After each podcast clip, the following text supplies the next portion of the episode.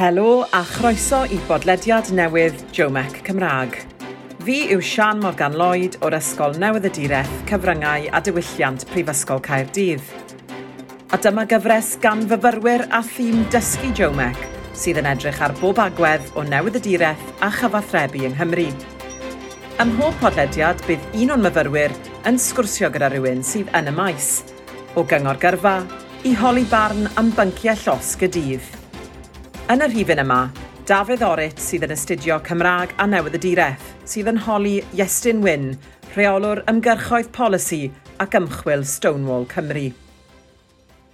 Croeso uh, Iestyn a diolch fawr iawn i ti am dy amser di prawn yma. I ddechrau fwy, fysa'ch chdi'n gallu disgrifio dy swydd di ag be'n union mae Stonewall Cymru yn ei wneud? Well, Stonewall Cymru ydy elusen uh, LGBT neu LHCT yn y Gymraeg, sydd yn gweithio ar draws Prydain, ond mae Astolno Cymru yma yng Nghymru yn gwneud lot o bethau eh, hefo'r Senedd a stwff sydd just yn digwydd yma yng Nghymru um, ac hefyd yn bwydo mewn i waith yr elusen ar draws Prydain hefyd.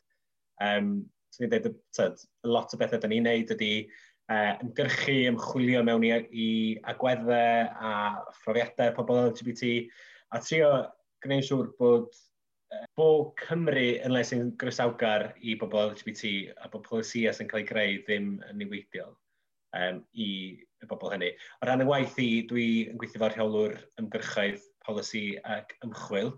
Um, so ie, yeah, neu lot o waith efo gwleidyddion a bobl sydd yn gwneud polisia uh, e, o bod yn ynghorau lleol i bobl sy'n eista yn yn senedd ni.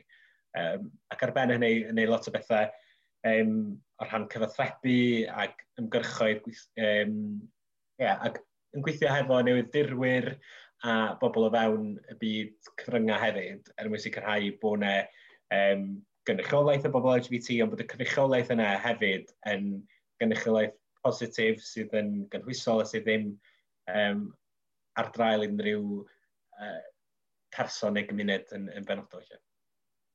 Gret, o'ch chi'n sôn bod chdi'n creu ymgyrchoedd ac yn y blaen o fewn dy rôl di. E, Sgynnwch chi strategaeth penodol ar gyfer pan da chi mynd ati i greu ymgyrchoedd a negesuon fel beth di'r strategaeth ydych chi yn gweithio o dan er mwyn rhannu'ch negesuon chi? Dwi'n meddwl mae'n dibynnu ar pa fath o waith ydym ni'n gweithio. So, os ni'n edrych ar fo drwy lens cyfathrebu a wedyn yn mynd ati i feddwl, okay, sut ydym ni'n yn gwneud siŵr bod pobl yn ymwybodol o'n gwaith ni um, yn amlwg sy'n strategaeth mewn lle ar gyfer hynny. O rhan strategaeth ni yn fwy cyffredinol, y ffordd ydym ni'n edrych arno fo di, mae angen i ni fynd ati i sicrhau bod feddwriaethau sydd wedi cael eu creu yn y gorffennol a'r hei sy'n mynd i fod yn y dyfodol yn cael i'w uh, gwneud mewn ffordd sydd yn gynhwysol o bobl LGBT. So, y prif beth ydy fel gwarchod uh, polisiau a deddwriaethau sydd on plaid yn hawliau ni, um, a gwneud siŵr bod nhw ddim yn cael i'w, uh, tyd, newid ar, ar, y gwaith. Lle, um, a wedyn ar ben hynny mae gen ti'r newid a gweddau cymdeithasol yna, so to sicrhau bod pobl LGBT yn cael i'w um, parchu o fewn y gymdeithas, tyd, newid agweddau, rheini sydd dal hefo uh, agweddau homofobaidd, deiffobaidd neu trawsfobig. So, mae hwnna yn, yn hwnna di'r tyd, y grounding phases fel bethau i'r ffordd ydym ni'n dati i, i, i weithio. Un peth dwi heb sôn amdano ydy newid gweithleoedd a llefydd addysgiadol uh, er mwyn sicrhau bod nhw yn sefydliadau sydd yn, yn gynhwysol lle. So dyna di'r fatha prif bethau. Os ydym ni'n dweud yma yng Nghymru, uh, un enghraifft, eich os yna bobl sy'n gwrando a ti hefyd yn, yn ymwybodol ohono fo, di yn ymgyrch Lasses Enfys ni, sef Rainbow Laces yn y, Gymru yn y Saesneg, mae hwnna'n ymgyrch sydd wedi tyfu lot dros y blynyddoedd. Um, yn ei bôn, so ni hanfod, sori, um, ymgyrch cyfathrebu ydy hwnnw, ond mae o yn rhan o... Mae ma yna lot o bethau sy'n rhan ohono fo, so mae yna hyfforddiant da ni'n neud yn rhan o'r ymgyrch, mae yna um, gwaith ymgyrchu da ni'n neud ar gyfer newid polisiau, Uh, a wedyn, yn fwy ehangach, mae yna waith mae'r ymgyrchio'r athrebu yn ei hun yn, yn ei wneud, sef newid agwedda bobl sydd yn mynychu uh, llefydd chwaraeon uh, a tyd, yn gwylio chwaraeon ar y sgrin, um, i newid agwedda nhw herwydd bod ni'n gwybod bod yna broblem o'r rhan homophobia um, a baiphobia a, a throsphobia yn y llefydd yna. Tyd. So, um, o'r rhan jyst i gloi, dwi'n meddwl, fatha, ysdi holi am sut ydym ni'n mynd ati o ran be di strategaeth ni o ran gwneud y gwaith. Um, da ni'n rili really gweld y pwysigrwydd yn sicrhau bod lleisiau pobl yn cael ei glywed, um, bod ni yn defnyddio tystolaeth tu ôl i'r hyn da ni'n uh, eisiau wneud, so bod yn ymgyrchyn ni yn y gyseion da ni'n yn rhoi allan yna, yn rhai sydd yn mynd i atgyfnerthu fatha lleisio bobl LGBT lle, so ie, yeah, a roi nhw yn at the centre of, os mae'n ynnus yn fyr, yeah. pobl yn siarad ar rhan bobl, bod ni'n sicrhau bod ni'n yn rhoi llais i heini sydd ddim fel arfer yn cael ei glywed o fewn y prosesau um, o'n i'n sôn amdan gynnal. Cool. Um, nes ti grybwyll um, eich negesion chi. Yn amlwg mae um, Stonewall Cymru yn elusen sy'n targedu mwy na just pobl hoiw ydych negeseuon chi felly yn amrywio o um, grŵp i grŵp? Yndi, yn amlwg, tyd, be, mae eto mae'n dibynnu ar be ydy dy, be wyt ti'n trio newid dydy, fel, tyd, fel grŵp ymgyrchu neu fel sefydliad sydd yn sefyll dros hawliau, ti angen gwybod be wyt ti'n trio newid um, cyn i ti feddwl be ydy'r strategaeth. So, yn amlwg, mae, mae o'n mynd i newid o ymgyrch i ymgyrch, o neges i neges chi, ac mae hynny, dyna pam bod ti angen mynd yn ôl wedyn at, okay, be di'r be di'r weledigaeth ydym ni'n trio gweithio tuag at. A'r weledigaeth ydy sicrhau bod Cymru neu bod Prydain, bod y byd yn le sy'n gyfusol, sy'n parchu, sy'n dathlu hunaniaetha LHCT. Yn amlwg, da ni'n fwy na jyst e, elusen ar gyfer bobl hoiw, da'r beth da ni'n wybod o ran hynny ydy bod y gymuned um, deiriwiol a thraws yn rhan o'r gymuned sy'n cael ei anghofio yn aml, ac so, pan da ni'n dati i greu neu negeseuon newydd, da ni'n trio proactively meddwl am, oce, okay, sut ydyn ni'n sicrhau bod na lisia o bobl deiriwiol yn cael i'w glywed o fewn yr ymgyrch yma, ond hefyd pobl traws. Yn fwy na hynny wedyn hefyd, da ni'n sôn am anghyfnoddodebau sydd yn digwydd um, lle maen nhw'n effeithio cymunedau yn fwy na er, rhai eraill. So, er enghraifft, bobl LGBT, ie, mae'n acronym a mae'n gymuned anferthol o bobl, tyd, ond i'r rhai bobl LGBT eich bod nhw'n meddwl, o ie, tyd, dwi ddim yn profi unrhyw anghydraddoldeb, um, mae mywyd i'n ffain, ond wel, be da ni enw bod o, di, bod o ddim ar gyfer pawb, ac mae yna ystadegau sy'n dangos bod yna rhai elfen o'r gymuned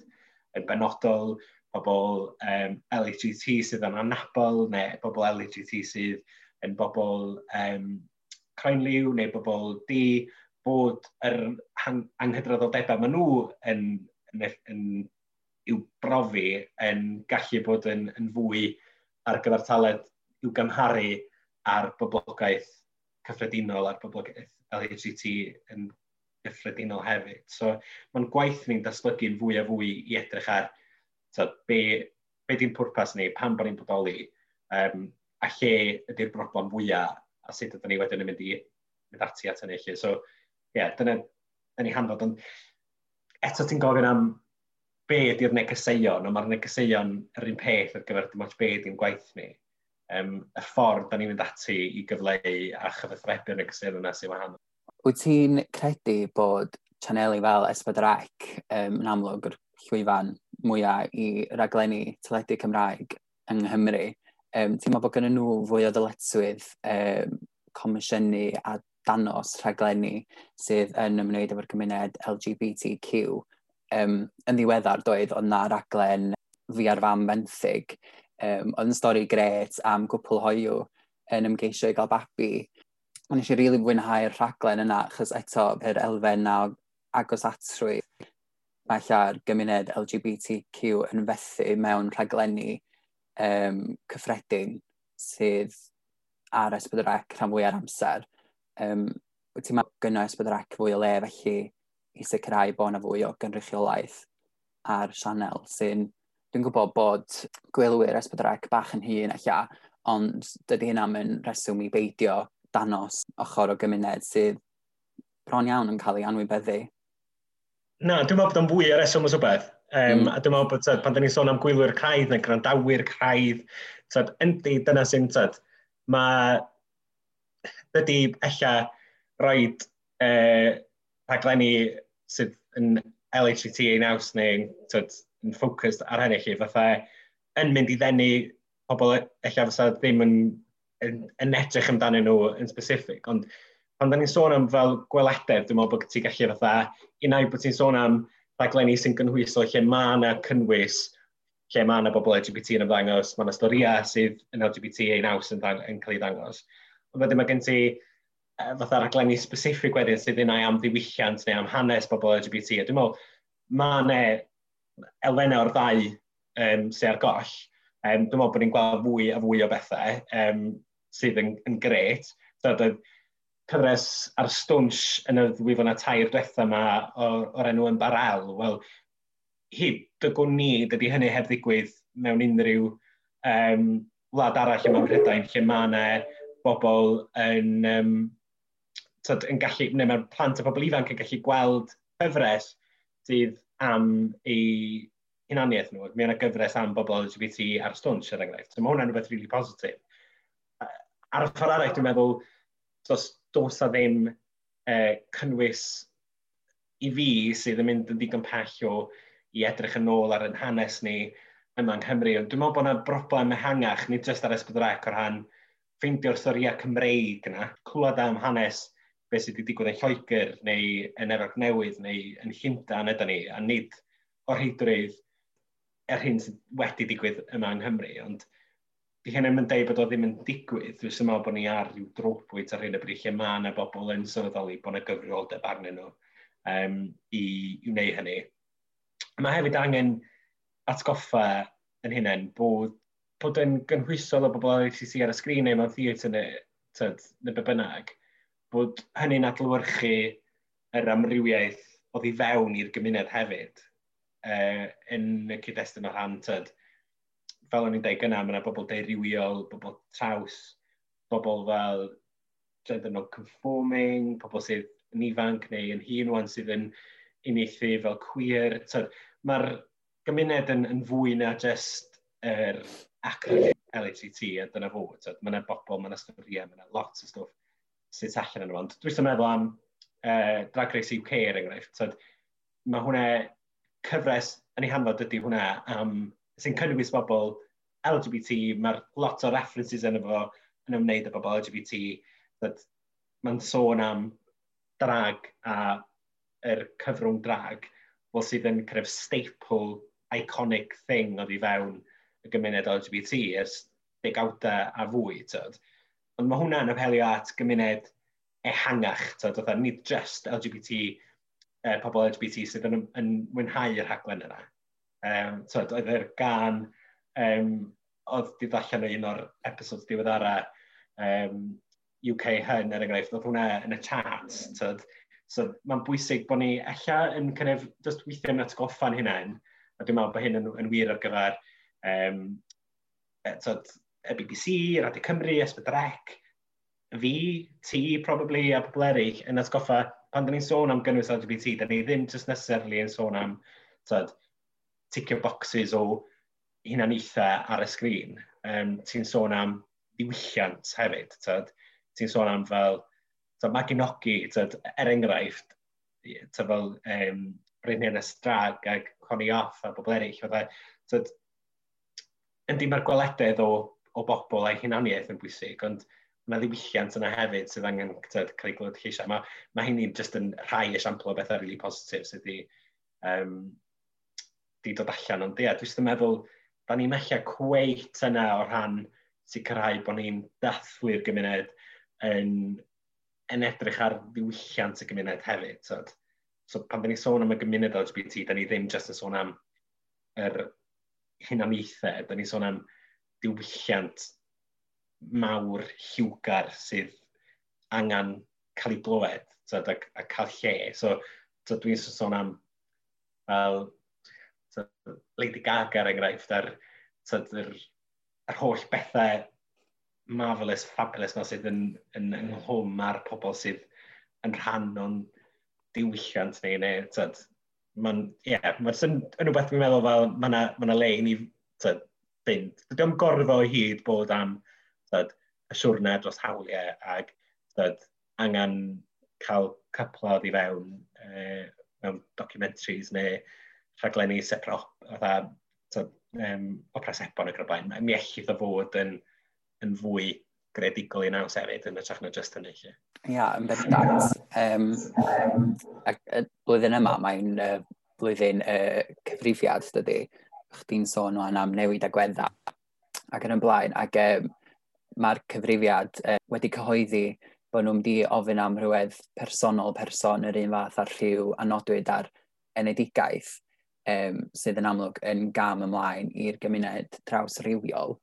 A hefyd gan bod ni yn gyfres o bodlediadau sy'n ddeillio'r ysgol newyddiaduraeth, wyt ti'n meddwl bod dyletswydd a'r newyddedirwyr um, a jyst pobl yn y cyfrynnau yn gyffredinol, really, i ofyn i bobl maen nhw'n cyfweld â neu yn ysgrifennu erthigol neu beth o'r math, i nhw ofyn um, sut maen nhw yn cydnabod eu hunan er mwyn gallu defnyddio eu rhagen nhw yn gywir mewn erthyglau. Mae yna di, ma dipyn o um, sŵn o'n ar gyfryngau cymdeithasol yn lŷn a defnyddio rhagenwau yn gywir. A nid yn unig i bobl o'r gymuned LGBTQ, ond y pwysigrwydd i bawb defnyddio eu rhagenwau yn gywir.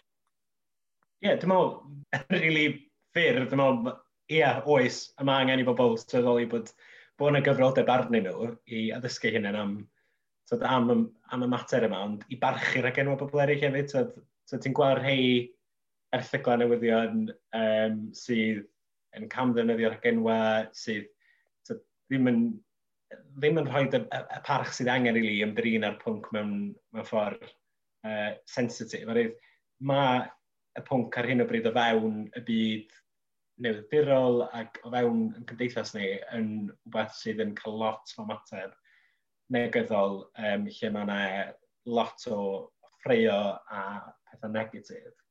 A dydy, dydy o ddim yn ofod neis i fod yn rhan ohono fo. Mae cyfrang cymdeithasol yn gallu bod yn really um, toxic ar adegau yn ymdrin ar pwnc yma.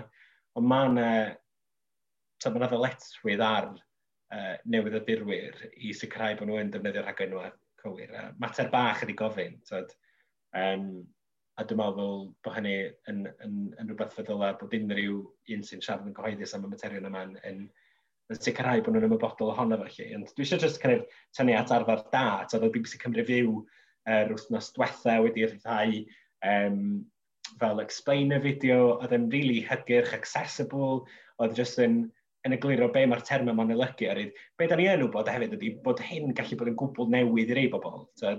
Um, am hynny'n ffain, ond fel, just darllenwch neu ddysgwch eich hunan de, fel, fel unrhyw beth newydd i, i berson, fel, just, tyd, ewch amdani drio deall beth yw ag pam bod o'n bwysig. Um, so dwi wedi bod ar siwrna dysgu'n hyn, fel, os ti wedi gofyn i fi rhyw 5 mlynedd yn ôl pam o'r hagenwa'n bwysig, os ti'n meddwl, wel, dwi'n meddwl bod o, fel, ond, ond i rei bobl mae o, so, a dwi'n parchu hynny a, a dyna pan bod fi'n meddwl bod rhaglen yma'n bwysig, ac na i drin orau i ddefnyddio rhaglen yma cywir yn, yn y ffordd dwi'n siarad hefyd. So. I jyst i goi ar y cyfrifiad, mae ma hwnna'n yn rhywbeth um, gret. Mae'r pwysigrwydd cael dy gyfri yn, yn, yn, yn really, really pwysig. So, os da ni'n sôn am cyfrifiad cenedlaethol sy'n digwydd bob deg, mlynedd, lle nad oes opsiwn i ti roi be di dy gyfeiriadau rhywiol di, neu'r rhywioldeb, neu dy hunaniaeth rhywedd di, um, yn y bod ti'n cael dy anwybyddu.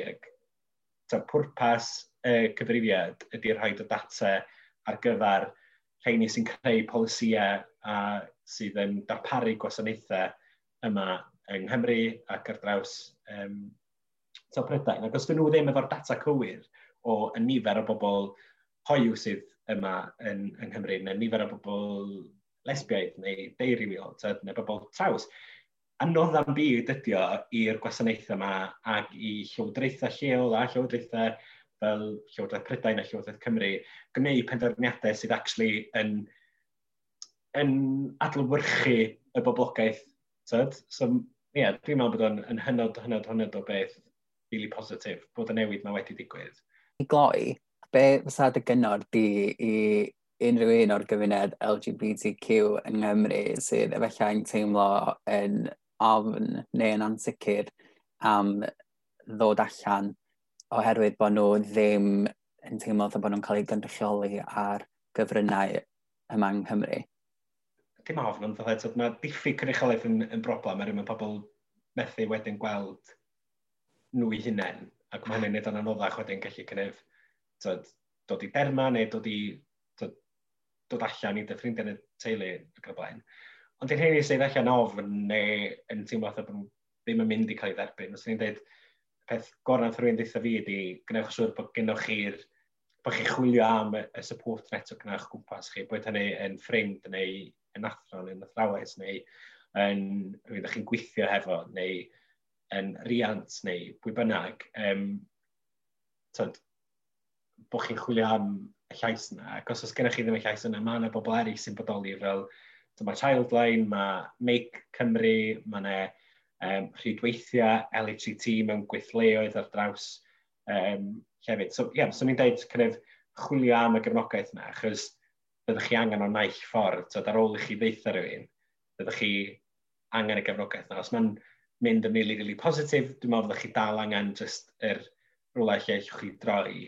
Um, Ac os dydw ddim yn mynd yn dda, wel, mae gennych chi dal tyd, y rwle yna lle ydych chi'n gwybod bod yna gefnogaeth. Ond mae'n lot, mae'n bersonol iawn, mae'n hawdd i fi dde hynny, lle os ti yn mewn sefyllfa lle dydw ti ddim yn cael dy ddebyn a ti'n gwybod bod o'n mynd i fod yn anodd, wel, mae'n hawdd i fi sy'n yma dweud, o, jyst i chwilio am rhywun i allu di siarad i. Lle. Um, ond mae yna ma sefydliadau fel Stonewall ac uh, LGBT Cymru, Pride Cymru, mae yna bobl allan yna fydd yn fodlon gwrando i chi. Gred, diolch yn fawr iawn am ymuno yn y sgwrs, Iestyn. Mae wedi bod yn ddiddorol clywed dy farn di ac uh, dy rôl di yn Stonewall Cymru.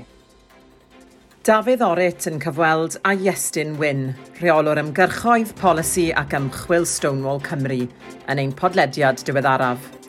Cofiwch am weddill y gyfres a diolch am ryndo ar pod Jomec Cymraeg.